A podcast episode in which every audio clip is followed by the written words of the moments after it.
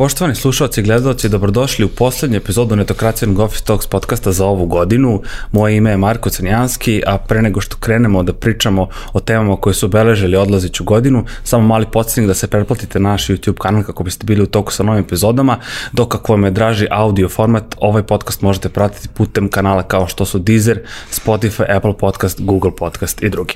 Odličan uvod, kolega Crnjanski. A, Kao, Hvala, kao, kolega kao, da radi, Tadiću. kao da radi za Audible. Neko mi, neko mi baš bilo me kao radijski, kao baš je bilo onako pravo zre, zreo muški glas, da Ništa kažem. da se prebacujem na radio onda. Zreo muški glas.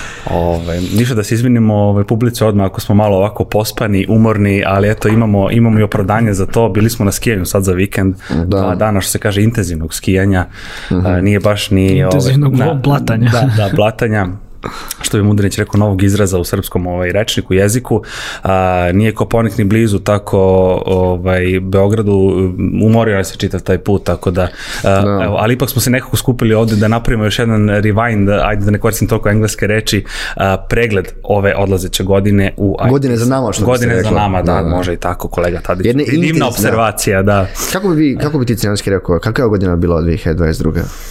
Pa čudnovata, da Pa, kažemo. dosta čudnovata. E, e, Znaš, ono, nekako smo izašli iz perioda kao korone koja i dalje traje. Mislim, te pandemije koja zvanično nije ni završena po ovaj, SZO-u, a došao nam je taj e, rat, nažalost, e, za Specijalna njim, za operacija. njim, da, spe, spe, specijalna operacija. Ili rat, kako god, kako god. O Bože, hoće, otkrio da. sam svoju stranu, da. ovaj, da, definitivno koja je da kažem, donela i tu ekonomsku krizu. Da. Mislim, pričat ćemo o svemu tome, Pričat zapravo ćemo, kako da, se to to. odrazilo na, na, ali ajde za ovaj uvod čisto tako, ono, Može, da, da, da, kažemo da. prilike da je bila intenzivna. Jeste, da, pa negde, mi smo da smo objavili da je, da je vlada objavila, mi smo preneli da je ova godina se negde se nezvaničnim informacijama da ćemo izvoz IT usluga doseći čak e, 2,5 milijarde e, evra, što je zaista impozantna cifra ako pogledamo neke brojke od prethodnih par godina. Tako da i dalje je naš IT prethodne godine e, dosta, dosta rastao. Pa da krenemo, Mari, šta bi ti izdvojio možda kao glavnu stvar? Da li je to možda akvizicija netokracije koja je postala deo ovog Infobipa? Da li bi nešto rekao malo više oko toga?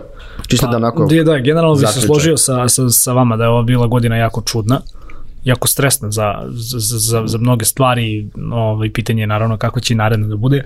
Ova godina obeležena je tim nekim, da kažem, kontinuiranim rastom ono, u IT-u, a nisu stvari baš tek tako stale, što je, što je jako bitno istaći.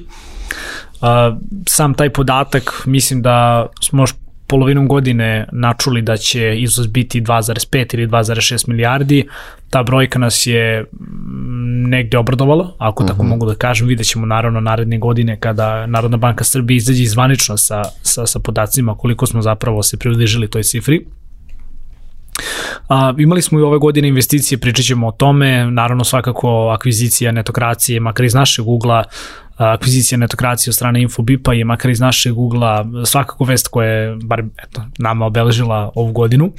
A, verujem da, e, pričat ćemo naravno i o tome, ali verujem da i ove e, nedavna dešavanja u Web3 su svakako ovaj, e, neka stvar ili jedna stvar koja ostavila pečat kada je 2023. godina u pitanju.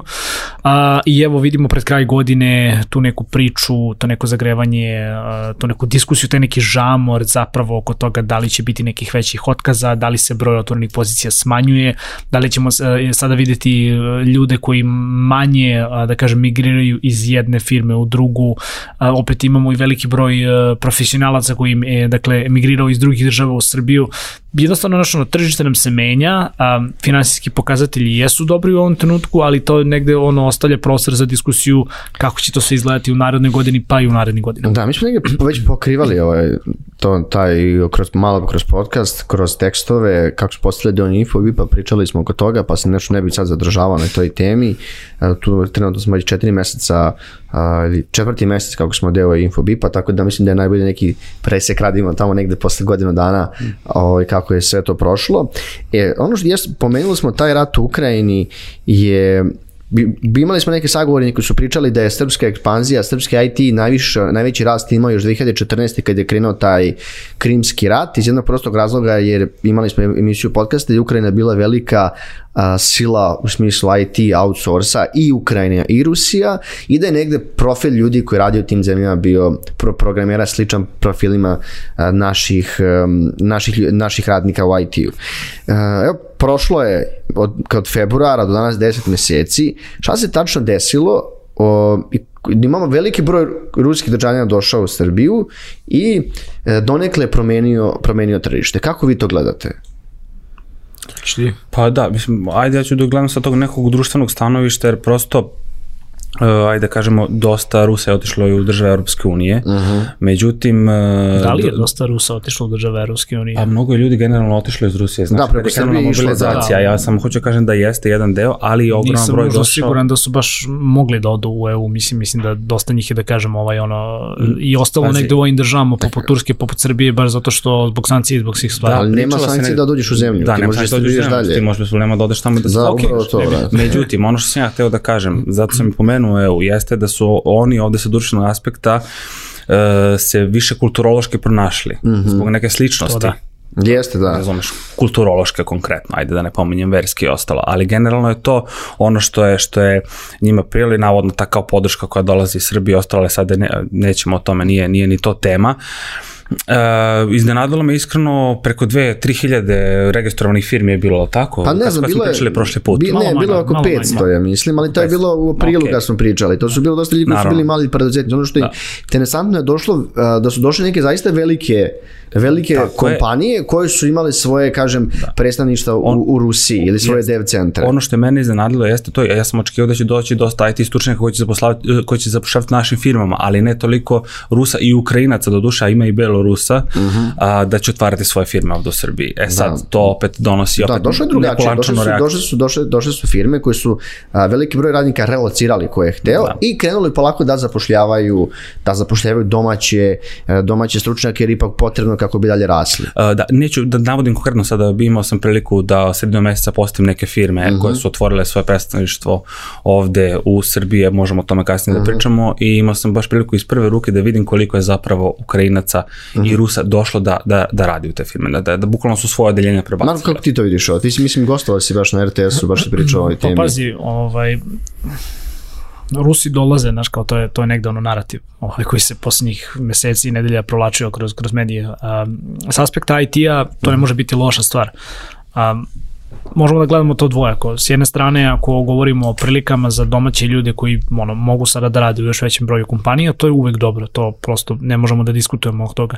Sa strane poslodavaca, domaćih poslodavaca ili firmi koje su, da kažem, došle pre, naravno da će uvek postati ta bojazan, pa do, došli su sada, došli su sada neki novi igrači, još više igrača na sve manjem tržištu.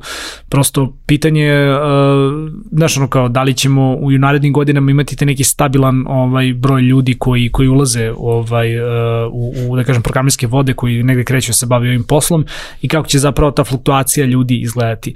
Dobra stvar je, ajde da kažem negde što u ovom trenutku pomenuli smo to na početku, predviđenja su da zapravo neće biti baš toliki rast po pitanju broja ljudi ovaj u narednoj mm -hmm. godini, tako da ćemo možda negde imati priliku da se da se izni, da se iznivelišemo po tom pitanju. Daleko od toga da sad programiranje i da kažem ovaj IT kao kao takav neće biti popularan za za ljude koji tek ulaze.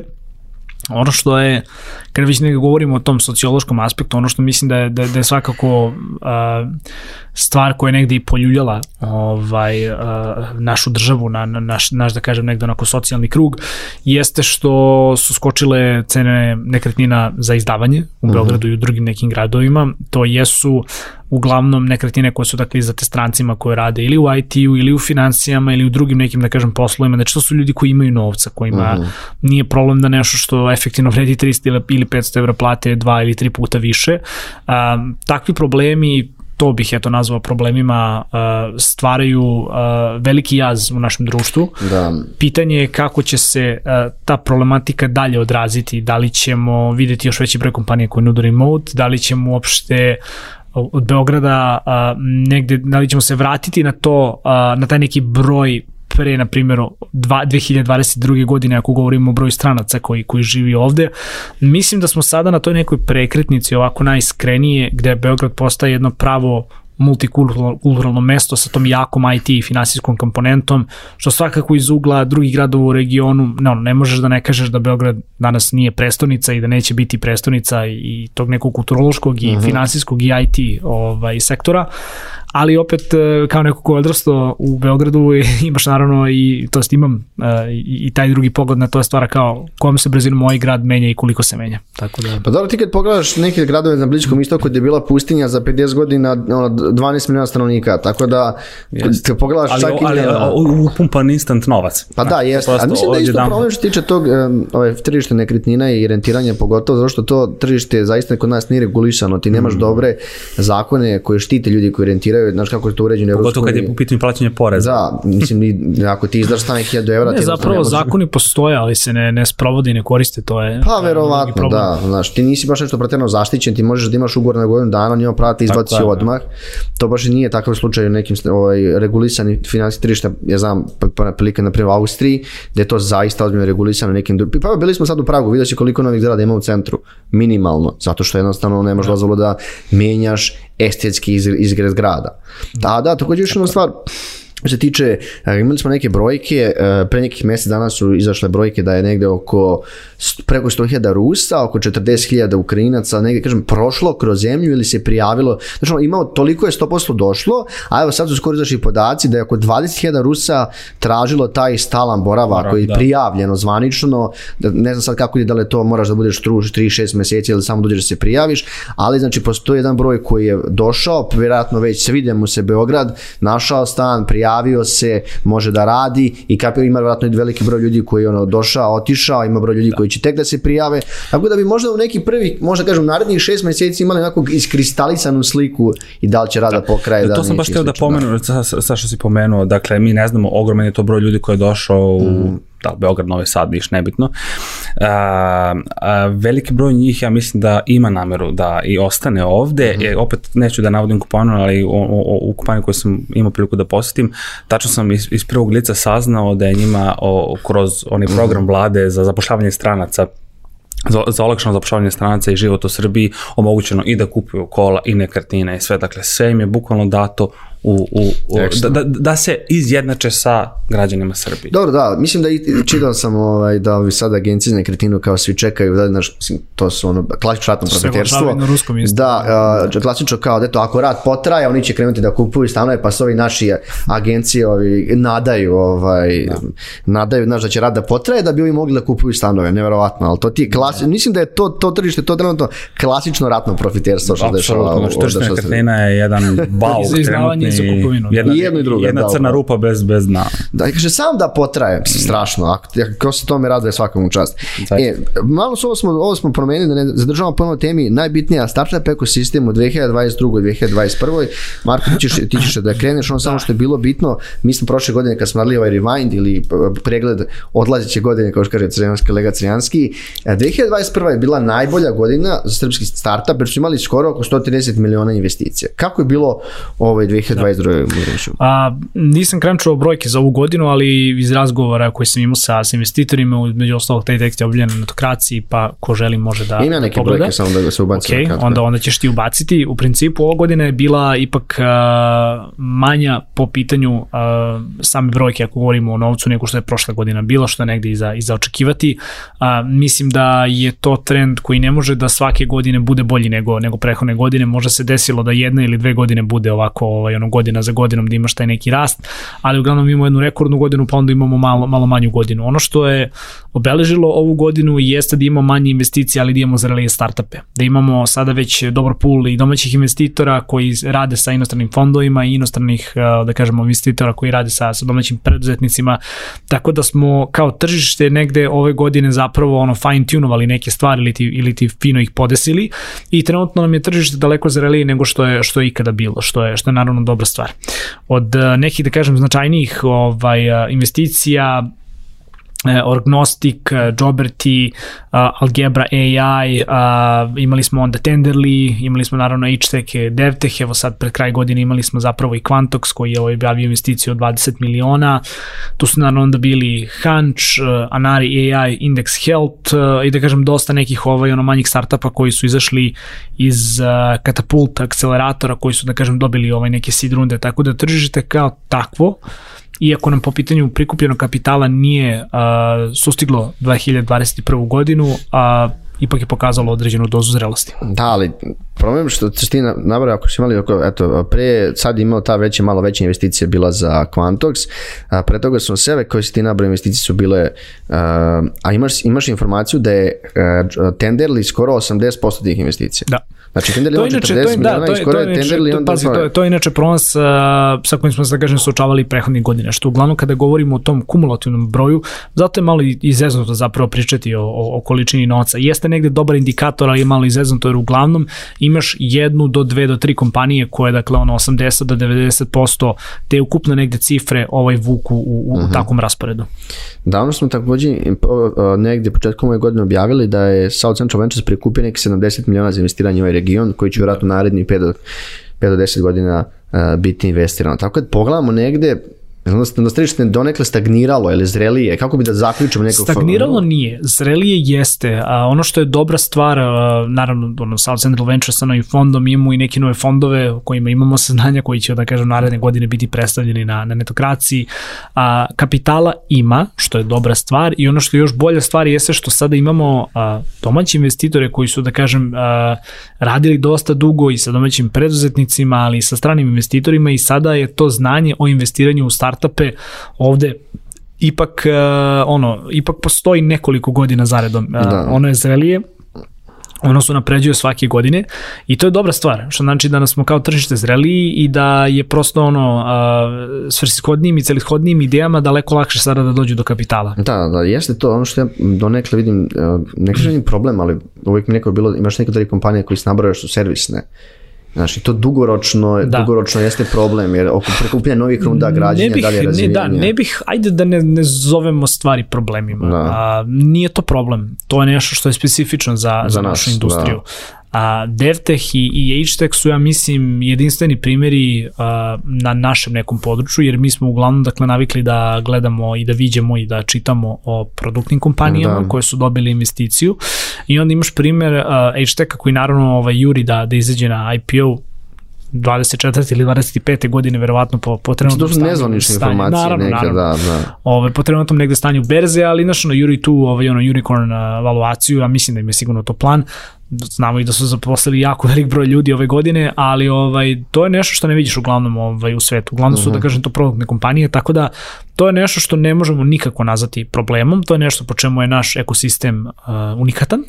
I to da kažem razlika koju negde treba da slavimo umesto da je, da je kudimo, ali možda negde da kažem s aspekta investitora koji, koji ovaj, investiraju u, u produktne kompanije, e, možda negde oni to vide kao priliku, aha, da imaš velike servisne kompanije koje se sada negde dodatno ukrupnjavaju, kako li će se to odraziti na, nezavisnost, nezavisnost ili na manje negde timove, ali to su da kažem projekcije o kojima možemo pričati tek nakon nekih ono dodatnih akvizicija ili dodatnih mhm. -huh. rundi finansiranja. E, napravio smo neki kratak plan, ali bi se osim na startupa možda bi izdvojio, prešao bi na odmah neke industrije koje su bile baš onako highlightovane u tim izveštajima za ovih startup genoma, to su prvenstveno bili gaming i blockchain ili web3 kripto, pa bi se onda negde vratio na neke overall uh, mm. ovaj, trendove generalno u ovaj, svetskom IT-u. Uh, Crnini, kako je bilo, gaming je baš rast negde iz godine godine, mislim da smo negde oko 125 miliona ovaj, prihodali 2021. Čekamo podatke za 2022. Mm. Konstantno raste broj zaposlenih u gaming. Kakva je to ova godina bila? Da. Uh, Pazi, gaming je kao neki, da kažem, ajte, tako da ga nazovem, podsektor IT industrije mhm. -huh. a, rastao i imao je postepen rast a, prethodne godine. Ja bih samo uporedio ovo što se rekao, znači da, a, SGA ovaj, je u svom reportu koji mhm. -huh. izbacuje jednom godišnje naveo da je 125 miliona prihodovala gaming industrija znači za prošlu godinu, dok je 120 miliona bilo za 2020. Znači imamo taj neki blag rast mm -hmm. koji je tu u pitanju. Zanimljivo je to da je sve više žena u gaming industriji, što definitivno raduje i ono što je po mom mišljenju možda najbitnije za prethodnu godinu u gamingu jeste to što je ogroman broj preuzimanja bio uh, mobile igara koji su ovde napravljeni na App Store-u i Google Play-u. Setimo se, neću sad da ulazim u to da su oni i došli ovde u Srbiju da zvanično imamo, imamo mogućnost kupovine tih aplikacija, dakle u nekom tom, um, da kažem, tržišnom globalnom segmentu mobile uh, industrije Srbija igra, mo, mo, to je mobile gaming industrija mm -hmm. Srbija igra izuzetno važnu ulogu što je sjajna stvar.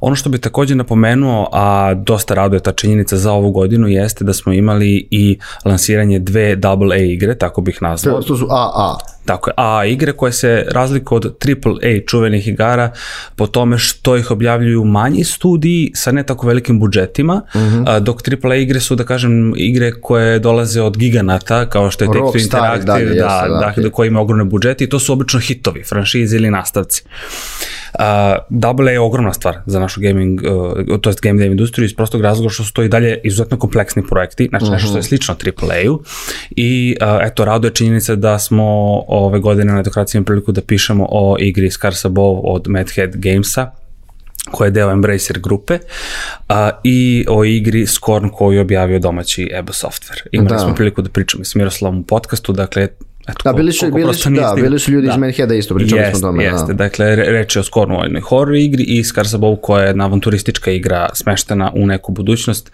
Imao sam priliku da probam konkretno. A, e, ono što je zanimljivo jeste da će biti igra za, da je lansirana za konzole, što je za, zaista Da, jedna velika i druga stvar. su za konzole, da se Tako zna, je, da tako, nisu za mobile igre. Tako da. je, da. Konkretno ovaj, Scars Above će biti i u fizičkoj prodaji, znači imat Mhm. ćemo domaću igru koja će imati kompletan omot uh, ovaj, Sonyevog, odnosno PlayStation brandinga, što je zapravo lepa stvar. Jeste, da, Mi smo, mi da, smo do da. sada imali priliku. Eto, e, I- prosto, eto, to bih izdvojio, da. I mislim da si imao si takođe, pošto si imao dosta gaming epizoda, radio si e, podcast sa Demagogom koji čak uspio da baci dve igrice. Jeste, to sam isto teo, da. da. da, to sam isto teo da pomenem. Reč je o 2D igrama, High Water i Cube. A, Demagog je ono isto domaći beogradski studio koji se i u tokom kreiranja igara bavi tim nekim, u, u, to je upotrebom elemenata a, Beograda u nekoj postapokaliptičnoj ovaj, Sferi, da. sferi, da. i- Genexova kula i tako nešto, ambijentu, da. da, gde Beograđanka. Jeste, jeste Genex Kula posebno. Ove, e, da im je prosto cilj akcenat da stave i kvalitet na muziku, jer sama igra je, svi znamo, na, na kraju dana neko umetničko delo.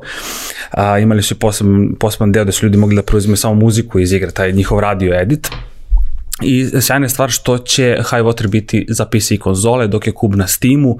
Dakle, imamo još jednu našu igru na tim velikim platformama za preuzimanje i eto, to je ono što prema nekom mom mišljenju dosta raduje kad je game dev industrija u pitanju raste i dalje. Ono što je problem jeste definitivno, teo sam to da napomenem, nedostatak kadrova. Um, zapošljavanja ima, ali da bi rasla više, treba nam više kadrova u game devu i prosto taj neka saradnja sa svetskim publisherima, jer ti da bi izašao Da. na, na veliko tržište, prosto moraš da imaš podršku velike. Ali ti moraš da, ali kad pogledaš, ajde da se vratimo korak nazad, imali um, SGA i zajedno sa državom, oni su lansirali i mastere o, o gamingu da. i oni, znaš, naš, nešto se radi na Tako edukat, edu, se edukovanju i pravljenju novih kadrova. Da. Tako je, to sam takođe teo da dodam, uh, više nego ikada je zapravo prošle godine bila edukacija i uh, hakatona koji su organizovani da. na temu gaminga, sam sam imao priliku da postavim Nordeusov Game Jam, uh, gde sam se stvarno uverio da mladi, mladi ljudi, srednjoškolci, znači čak nije, Ti nije bio žiri, ili tako nešto? Jeste, bio sam Da. deo žirija, da, Game Jama, a, a, gde kažem srednjoškolci, dakle nisu ni brucaši još, imaju zaista talenta da naprave onako neku Da, prostu igru. da, da, mi prošle godine smo baš pričali o akviziciji Nordeusa, što je bila verovatno Jeste, jedan to, je, najvećih. to je najveći... A ove godine smo takođe imali, inform, pisali smo da Epic Games sad pravi u Novom Sadu, da li je to kampus ili kako za Tako ta, trilateral tim, da kažem tako. Jeste, setimo se, to je isto bila velika vest eh, kad je Epic Games koji je... Konačno su, ako se ne varam, izbacili dizajn potencijalno. Da, izbacili Jeste, dizajn, jeste, da, da. imate, imate ovaj, na, u gaming rubrici kako bi to trebalo otprilike da izgleda.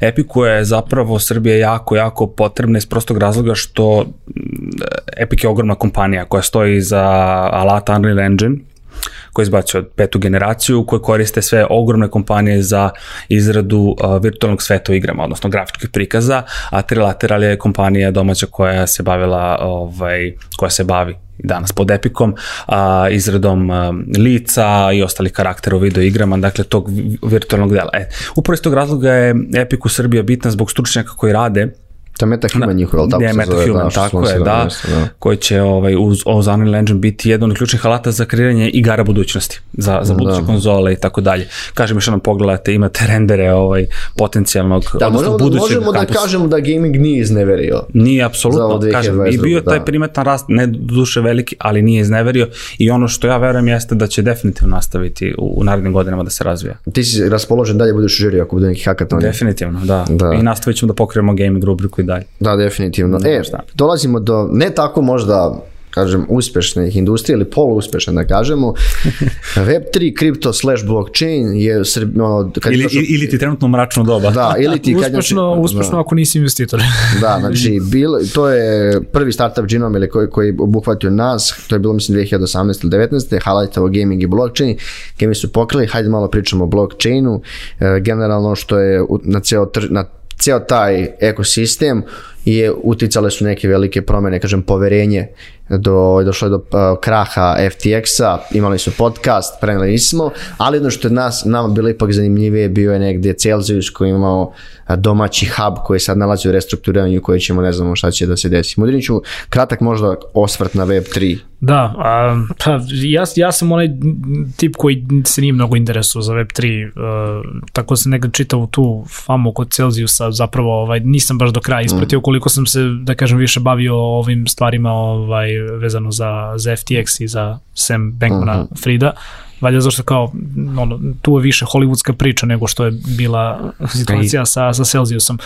A, ja koliko god sam da kažem ono sa strane ono sporednog nekog posmatrača gledao te stvari analizirao ih ja uvijek imam negde ono love hate relationship sa sa Web3 Ovo valjda zašto je toliko drugačije od onoga što što inače na, na smo navikli Znači, i klasičan, većina- klasičan da, bumerski pristup za nešto novo. klasičan znaš, bunderski da. pristup za nešto novo, ovaj, da. Ali ovaj šta znam, mislim da šta nisam ono nisam investirao u kripto, ne držim nikakve ovaj ono nikakve ovaj coin ne držim apsolutno nikakvu vrednost ovaj u, u, u tim stvarima. Uh, s aspekta nekoga ko govori o toj priči kao, ok, iz ugla tehnologije, da, mi dalje imamo veliki broj developera, to je dalje tehnologija koja obećava i ono što jeste dobra stvar u čitavoj ovoj gunguli jeste što nažalost ljudi će ostati uh, bez novca i ostali su bez novca, ali sama tehnologija je tu i uh, njena primjena u budućnici će kako biti ovaj ono uh, dostupna i, i moguća, jel da? Imamo velik broj ljudi koji razvija uh, rešenja na Web3 koji da kažem ovaj uh, koji da kažem inoviraju u toj oblasti i to je dobra stvar zato što sad kad smo već videli uh, propast tih nekih najvećih igrača um, ono, razvojit će se kako kažu žit od kukolja, jel da? O, Pravi, pravi ljudi, prave tehnologije, dobre tehnologije će ostati tu i to je dobra stvar. S druge strane imamo i tu lošu stvar, a to je da je jako velik broj ljudi ostao bez, bez novca, lično u svom nekom okruženju imam ljude koji su ostali ovaj, bez onako solidne sume novca ili dalje zaključana, ajde ako već govorimo o, o Celsiusu, pitanje je šta će se tu desiti. Tako da, uh, znaš, ono kao, gledajući stvari malo šire, ne mogu da kažem da mi se baš sviđa pravac u, u kome svet globalno, kada govorimo o financijama, ide nekako su se dosta ljudi se da kažem vezalo za, za kripto, tražili su posle 2008. godine spas u tome, da bi na kraju ova priča sa FTX-om, bukvalno ovo je ono, postala još, još, još ono jedna šarena laža, a svi negde vidimo kako Sam Bankman-Fried ovaj prolazi, tako da, Da. kažem, za, za, zato sam negde više pratio tu priču, ali ima taj neki ono hollywoodski Da, mislim, prizvuk. pričali smo, jer su ljudi u stvari držali, ti kupiš kripto i držiš na, to, na tuđoj platformi. Da, to bi bilo je, kao da, da. kupimo uh, Pa evre i zapravo ostavimo kao, zapravo kao klasične banke. jel Da. pa čak i gore, ne, to bi bilo kao da daš, kupiš pare, daš pare, u, me- o, odeš ku, za novac, kupiš evre, drugu valutu i os- ostaviš da stoje tamo. To je to. Da. Ti te pare nisi prenao na svoje volete. I onda, I onda neko uzme s tim parama i kocka se i, i traduje, da. da. Kaže, not your keys, not your... Uh, Kripto, kripto, da. Ako čovjek zna, to je to. Znaš kako, mene čitava ta situacija nekako asocira na komunizam, verovali ili ne. Ono, dobro čujem to. napisan koncept koji je shvaćen na apsolutno pogrešan Pa način. ne, nešto ostalo. Ne, ne, ne, ne, molim želim da sad. ono, moderni SD defina. Pa Ok, da, mislim, da. jer, jer ono, decentralizovane financije, ja verujem, apsolutno imaju budućnosti. Blockchain tehnologija je sjajna stvar, ali dokle god ti ostaviš neki prostor da napraviš e, neke šeme poput piramidalnih varijanti, a, dešavat će se FTX. Znaš, Da, dobro, ali, FTX da, ali, ali, vidi, ali vidi, ali vidi, upravo je da ono, decentralizacija a, kao takva, kao koncept, upravo je namenjena da se ne bi dešavale te stvari. Da, ali cen- Jel, jel, jel, ti traduješ, jel ja da. tradujem zajedno ono, sa tobom ako želimo, ne tradujem preko njega. Da, ali, Da, da, ali, ne, drži, naš, ne, ne držimo novac kod njega. Tako ali to je da- druga stvar. da, FTX je da. bio i bukvalno bilo centralizovana kriptomenjačnica. Samo što su oni imali toliko rupa u svom poslovanju da nemaju financije, Šta nemaju beše rekao što kaže računovodstvo. da nisu imali računovođu. Da, da, znači imali samo neki software, kažu dosta dobar, ali za ono tipa, Freshbooks, da. tipa ne znam, timove od 10 do 50 ljudi ili za taj nivo, dosta manji pr- protok novca, svašta su oni radili, nisu imali ono uh, board direktora, nisu ništa slušali, trošili su pare kako su mi, dobacivali se parama između sebe, ali eto, sad je platio čovjek auci da. 250 miliona, A to je- a kaže imao je na novčaniku samo 100.000, kaže. Da. Te nađe ostali pare, na brate. kraju dokazalo da je to bila zapravo stvarno Ne, to je sad suđenje, to će traje se par godina, okej. Zapravo nismo još ni stigli do suđenja. Pa da, Trenutno je, trenutno je bilo samo saslušanje u Senatu. Sad, e, tužba, da li se radi na tome, to ćemo tek vidjeti. E, da ono što smo zaboravili, da ono što, ok, e, u Srbiji postoji veliki broj jako dobrih Web3 proizvoda koji nisu nužno okrenuti parama ili slično, nego su okrenuti baš tehnologiji i, ono, i učete o decentralizaciji, upotrebi kripto Web3-a. Mislim da je sad i pokrenut onaj House of Web3, vidi su neke razne akademije, to ću pričati o tome u nekom budućem periodu, gde oni pokušaju, gde kripto, kažem, domaća Web3 zajednica pokušava da negde ide putem koji je išla SGA, koji je kao jako dobar ono, footprint za razvoj neke zajednice, domaće zajednice. Jer imamo zaista nekoliko jako kvalitetnih i proizvoda i timova odavde. Ono što smo zaboravili pomenuti to je NFT. E, to sam sad- to sam sad hteo da kažem. Znači NFT, um, uh, i- on i dalje postoji kao koncept, tehnologija je dobra, jer ti on ti bukvalno dokazuje da imaš vlasništvo na nečemu, Tako a, taj pomoću tih smart kontrakta, ugovora, to je linija koda, samo linija koda, ali taj, mo, izgleda je vreme kad si mogao da, ne znam, ono, CryptoPunks ili ono, kako se oni, epovi, jedan, ne možeš više da prodaš za 700.000 dolara, ali koliko, da. Tako je, tako je, tako je. Uh, pisali smo čak i da je košarkaški klub Crvena zvezda lansirala Da, dresove sa da, to su bili da, više onako Recimo, ali dobro, to promo akcije, da. plastični primer, uh, da kažem, upotrebe NFT, ljudima i dalje je to abstraktna stvar. Ja mislim da treba znam, baš zanima Istoko, Istoko Pavlovića mišljenje o NFT-u, pošto on pravi, Bože, mene ne. zanima Istoko Pa- Pavlovića mišljenje o NFT-u, pošto on imao kurs sa svojim drugarom, pa baš čisto me zanima Mislim da ima šta kažu sad. na tu temu. Pa verovatno, da, verovatno, ali da. o nekim lepšim temama. Da. ovaj, da, zaista je bilo, eh, od ovih svih tržišta Web3 je najturbulentnije tržište, jer su imali taka dva kraha, Ali da ne znam dobro, kako vidi, bi... to je, to je i sasvim normalno. Da. A, treba da pomenemo i Polygon i investiciju od 450 miliona dolara. Da, to možemo da pomenem iz prostog razloga zato što su ja njihov foundera i CTO je čovjek Mihajlo je iz Beograda i imaju par zaista ljudi koji su na visokim pozicijama koji jesu iz Beograda, tako da to možemo pravo, to što si pomenuo crni, to jeste zaista, zaista lepa vest. Pokrili smo negde dve industrije i ovaj, aj pogledamo šta se trenutno dešava na globalu u IT industriji, na startup svetu i kako to može da se preslika na, na Srbiju. Negde, kada je krenula korona, mi smo imali neki prvi, neke velike kompanije su otpu, otpustili neki deo svojih zaposlenih. Međutim, bili smo u kući, više smo konzumirali svi digitalne medije, digitalne proizvode, došlo je do velikog spajka u zapošljavanju a, ovih IT industrije koji su zapošljali šakom i kapom, kao što se kaže. E, sada, krajem 2022. slika je malo drugačija. Marija, što se tačno des, dešava Moram negde u samo da te Silicon ispravim Valley? na početku, kad je došla korona, redko ko je otpuštao, mali broj ljudi je otpuštao ako govorimo o IT kompanijama. Ono što se desilo jeste da su gotovo preko noći one krenu da zapošljavaju. Sedeo sam ovde ono pre, pre par nedelja i pokazivao ono kao, kao naš predsednik one, one čartove koji su evo i dalje tu. Da. Ovaj, a, videli smo znači, da su Amazon, Netflix, a, Meta, znaš, sve, ono, Instagram, sve, sve druge, da kažem, ove platforme, ovaj, ono, krenuli da zapošljavaju jako velik broj inženjera. Sada, a, nakon što je rast njihovih proizvoda i usluga stao, kompanije su suočene sa tim da imaju veći broj zaposlenih nego što imaju potrebu za, za njima. I onda je negde došlo do nivelacije tržišta. Nažalost, mediji uglavnom mediji na kraju dana zarađuju od toga da, da, da, da ono, spinuju malo takve stvari i da ih predstave malo, malo ovaj drastičnije nego, nego što jeste, ali došlo do te neke nivelacije zapravo ovaj, zapoznanih tako da su se kompanije negde ako govorimo eto, o Amazonu, o Netflixu i o Meti kao nek, negde najvećim kompanijama koje su, koje su da kažemo ovaj, bile u fokusu ovih nedanih otpuštanja, one su se zapravo vratile na neki nivo s kraja 2021. godine ako govorimo o broju zaposlenih. A, naravno ta vest je poprilično loša za nekoga ko je dobio otkaz. A, u, čitavoj toj gunguli videli smo i Twitter, doduše ne zbog a, pada broja usera, nego zbog Elona Muska o kome zaista ne mogu da pričam, znači to, to je jedna ono priča za sebe. A, I videli smo da ono, velika razvijena tržišta na kojem imamo veliki broj zaposlenih, a, kada govorimo o jednom ili dva procenta ljudi koji se otpušta, govorimo o par hiljada ljudi. S druge strane u Srbiji, a, mislim, to su neke projekcije, ovaj, opet razgovarajući sa, sa ljudima iz naše industrije, to su neke samo projekcije i neka predviđenja, ali priča se i razmišlja se o tome da ovde neće biti tako masivnih otpuštanja, možda će biti neko manje, da kažem, ovaj, ono, umanjenje radne snage, da li će se te, te cifre pojedinačno na osnovu kompanije brojati sa par desetina ili možda par stotina u nekim većim kompanijama, ali to dakle nisu, nisu neke velike brojke. Ono što je s druge strane sigurno jeste da će broj otvorenih pozicija pasti i da će zapravo zapošljavanje malo da, da, da uspori. to još ne znamo. To su predviđenja, ja govorim.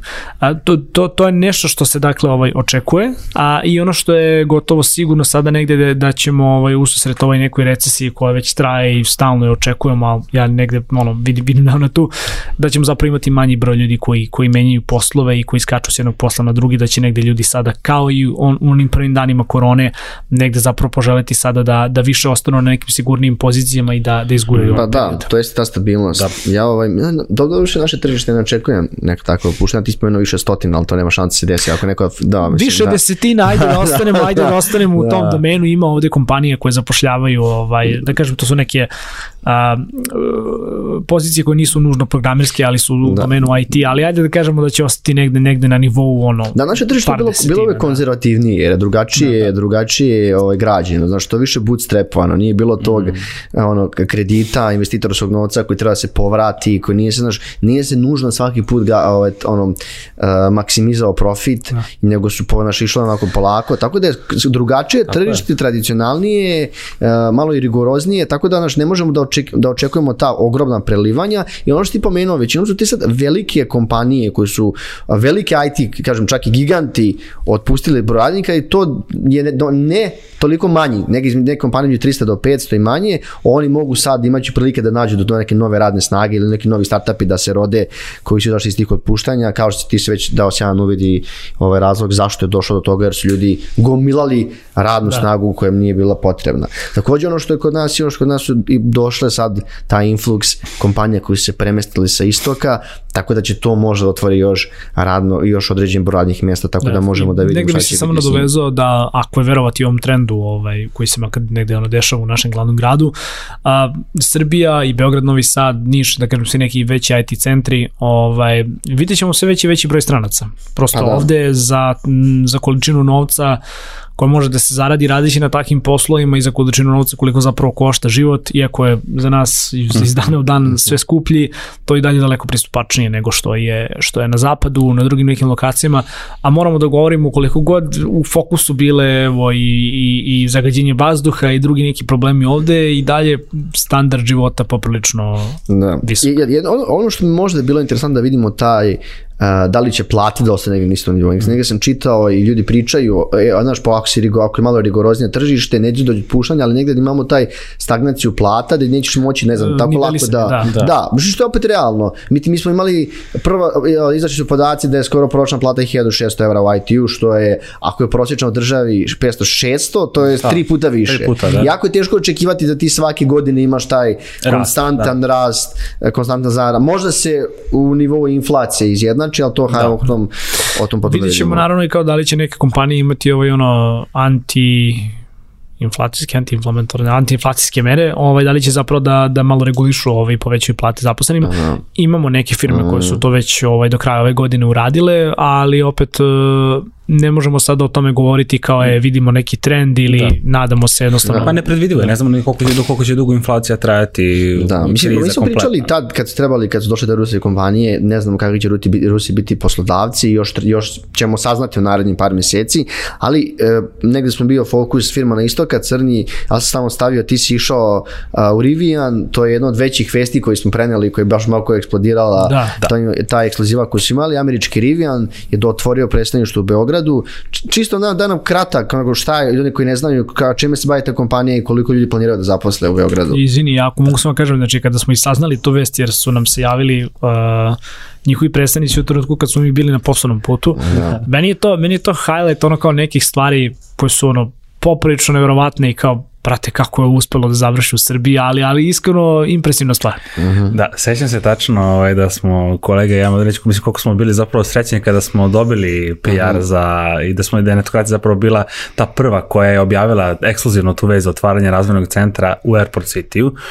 Ja sam eto koliko je prošlo, možda dva, tri meseca nakon toga imao priliku da odem uh, tamo i da se uverim lično e, u otvaranje nove kancelarija. Zaista je veliki prostor, kancelarije kao takve, ok, koncept je one open space-a, dakle ništa nešto specijalno, ali lokacija je sjajna i ono što je e, zapravo tu dosta bitno jeste što je, ajde ka, ljudi koji ne znaju da čisto objasnim, Rivian proizvođač električnih automobila imaju dva modela, R1T i R1S, koriste zaista modernu tehnologiju, jedni su od da kažem, eh, najkvalitetnijih proizvođača u Americi i u svetu generalno.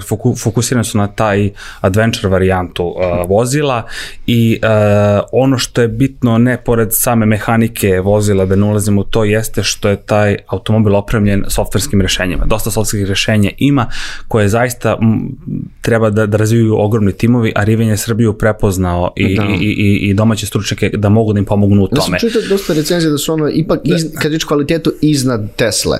Uh, da, oni su premium segment, jednostavno mm -hmm. premium segment vozila pravi, ako su ono, e, SUV vozila. Uh, imao sam priliku i da sedim u tom automobilu i ono što sam čuo jeste da će se u Srbiji razvijeti infotainment i senzori i dakle kompletan software koji... Da li će uh, se u Srbiji moći kupiti Rivian? To je sad e, to je sad veliko pitanje. Ne znam, neke su spekulacije da bi Rivian mogao da otvori proizvodnu traku, što ne bih sad ulazio jer to je zaista da. nešto totalno drugo. Imao sam priliku da pričam sa e, njihovom menadžerkom za, odnosno, mm -hmm. ko, ko, koja je zadužena za zapošljavanje i talenat i kadar, dovođenje kadra, jeste da je ideja da u narednih tri godine godine uh, Rivian zaposli 500 stručnjaka, 500 da, da, stručnjaka u Beogradu. To je lepa cifra, moram priznati, da. jednom IT kompaniju. Tako da, eto, to smo isto uspjeli ekskluzivno da saznamo. Uh, ono što bi dalje dodao, ne znam, to je to, mislim, kažem, velika stvar za ovu godinu, jer odmah da, proizvođač u pitanju, da. Znaš, što meni smo pokrili dosta, pokrili dosta stvari, ovaj, iz nekog našeg ugla, šta se desilo nego u IT godini ovaj, u Srbiji. Da li vi možda nešto imate što da dodate da niste rekli Pa u principu pa. ne, mislim, bila je izazovna godina, bila je stresna, ali bila je i značajna godina jer se dosta stvari izdešavalo. Znaš, mislim, kod ovakih e, pregleda godine uvek je teško setiti se zapravo svega što je, što je godinu obeležilo. Mm. Čudno su ovo vremena, da se ne lažemo, ali mm. i dalje industrija raste i razvija se i ide ovo se u nekom dobrom smeru. Da, da be, složio bi se sa, sa Maretom definitivno. Jako je teško kad pogledaš godinu od januara do decembra, mnogo je tekstova bilo e, baš prosto možeš da napraviš neku selekciju, da odeš na sajt i da pogledaš, da popišeš stvarno uh, stavke, jer netokracija ne prenosi samo teme o kojim smo mi sada pričali. Dakle, no. Da. tu mnogo startup ideja, startup tema. Marketinga, e, biznisa. Marketinga, tek, biznisa da, i, i tekako marketinga. Da. Evo, posljednje vest koje smo pisali jesu novi renderi ETF-a, dakle, da, proširenje da, zgrade, što je isto velika stvar, ka, mm -hmm. kao, bitan, kao bitna jedna ustanova za edukaciju budućih uh, IT kadrova, dakle, mnogo je nekih tih sitnih, na, nazove tako stvari koje su se desilo. Jeste, dosta sitnih stvari se desilo. Ok, imali smo tu jednu veliku, kad, kad je krenulo ovo, ova situacija u Ukrajini i Rusiji, znaš, nisi mogao ništa drugo pročitaš osim toga. Ja volim što smo mi da. i uprkos tim stvarima i kao dakle, dakle, crnoj slici kad pogledaš širom sveta, bilo je zaista lepih vesti ovaj, iz industrije da. i u celo 2022. godini. Da imate neka previđenja za 23. godinu? Da li nešto možda vidite, nešto Nostradamuski? Ili ne želim, ili ipak bolje da ne pre ništa da ne Znaš šta, ne, da. ne, želim, ne želim da ureknem. da, pametno, želim da, da ureknem, pošto je ovo i kraj ove godine da. pakao, ali ovaj, ajde da vidimo nekako naš ono svi mi živnemo malo ovaj s proleća kako nekako s proleća mislim mislim da, da ono gledaoci i slušaoci malo i čuju da smo i mi ovaj ono umorni ovaj ne, mislim ove godine da, smo imali ove godine smo imali skoro 50 epizoda podcasta da, tako da, da naš ono da, da, zna, dosta da, imali smo pau, možda tri sedmice mm. pauze i sad ćemo opet da pravimo pauzu ovaj da svakako naredne naredne dve nedelje nismo nismo tu ali šta hoću da kažem ako mogu samo da da da završim ovaj sa prolećem sve nekako živne. Živnemo mi, živne naravno i industrija, živne i ovaj grad. A, mislim da će se ono stvari naravno ovaj ono popraviti da će da će ovaj situacija malo bolje izgledati imamo malo da kažem još ovaj ono nezgodan neki period pred nama i sa svetskim nekim dešavanjima ali i sa nekim lokalnim dešavanjima A, nažalost, mi konstantno ovde govorimo o poslu, ali imamo i taj, da kažem, ono, socijalni faktor koji on neminovno uh mhm. -huh. utiče na to, ovaj, ono, i, i gde živimo i Jeste. kako radimo i, i o čemu zapravo pišemo. Tako da mislim i volao bih da, da negde u narednoj godini se te dve stvari malo više približe jedna, jedna drugoj, da malo i ovaj socijalni, ovaj, uh, socijalni status i neka socijalna dešavanja o kojima konstantno slušamo da se malo poprave i ipak dovedu u red. Da. Isto mislim da će 23. doneti možda neku stabilnost, neki mirniji period. Sačekat ćemo maj. Mir, Proleće- stabilnost, Da, da. crnjanski. Može i tako. Nada. A, jest. Da. A, ali bi takođe, eto, nekako da, da, da izaključim sve ovo dodao to da ćemo biti svedoci mnogo većeg upravo tehnologije, pogotovo veštačke inteligencije u svakom segmentu u kom smo pričali malo pre. Bilo da, da je marketing, da su društvene mreže, šta god. Jedva čekam Možda- da bude možda- novi Genesis, možda- ono dobijamo... Jedno čekaš da me zameni uh, veštačka E, ja, inteligencija, već, Da, krenulo je već. Chat GPI, ovaj, menja crnjanskog, to je to, da. to je to. Ništa, dragi slušalci i gledalci, došli smo do kraja naše današnje epizode. E, Pre svega želim da vam poželimo srećne praznike, božićne i novogodišnje, da se malo odmorite ovih dana, a mi ćemo se, neki nastavimo sa novom epizodom negde, ako sam vidio dobro, 19. januara ili 18. E, još jednom hvala što ste bili s nama do kraja ove epizode. Anetokracija, Hvala što ste nas pratili ove godine, da. Tako je. Anetokracija podcast možete pratiti na pored YouTube-a na svim, uh, kažem, poznatim ili većim streaming platformama. Pozdrav i srećni praznici. Pozdrav.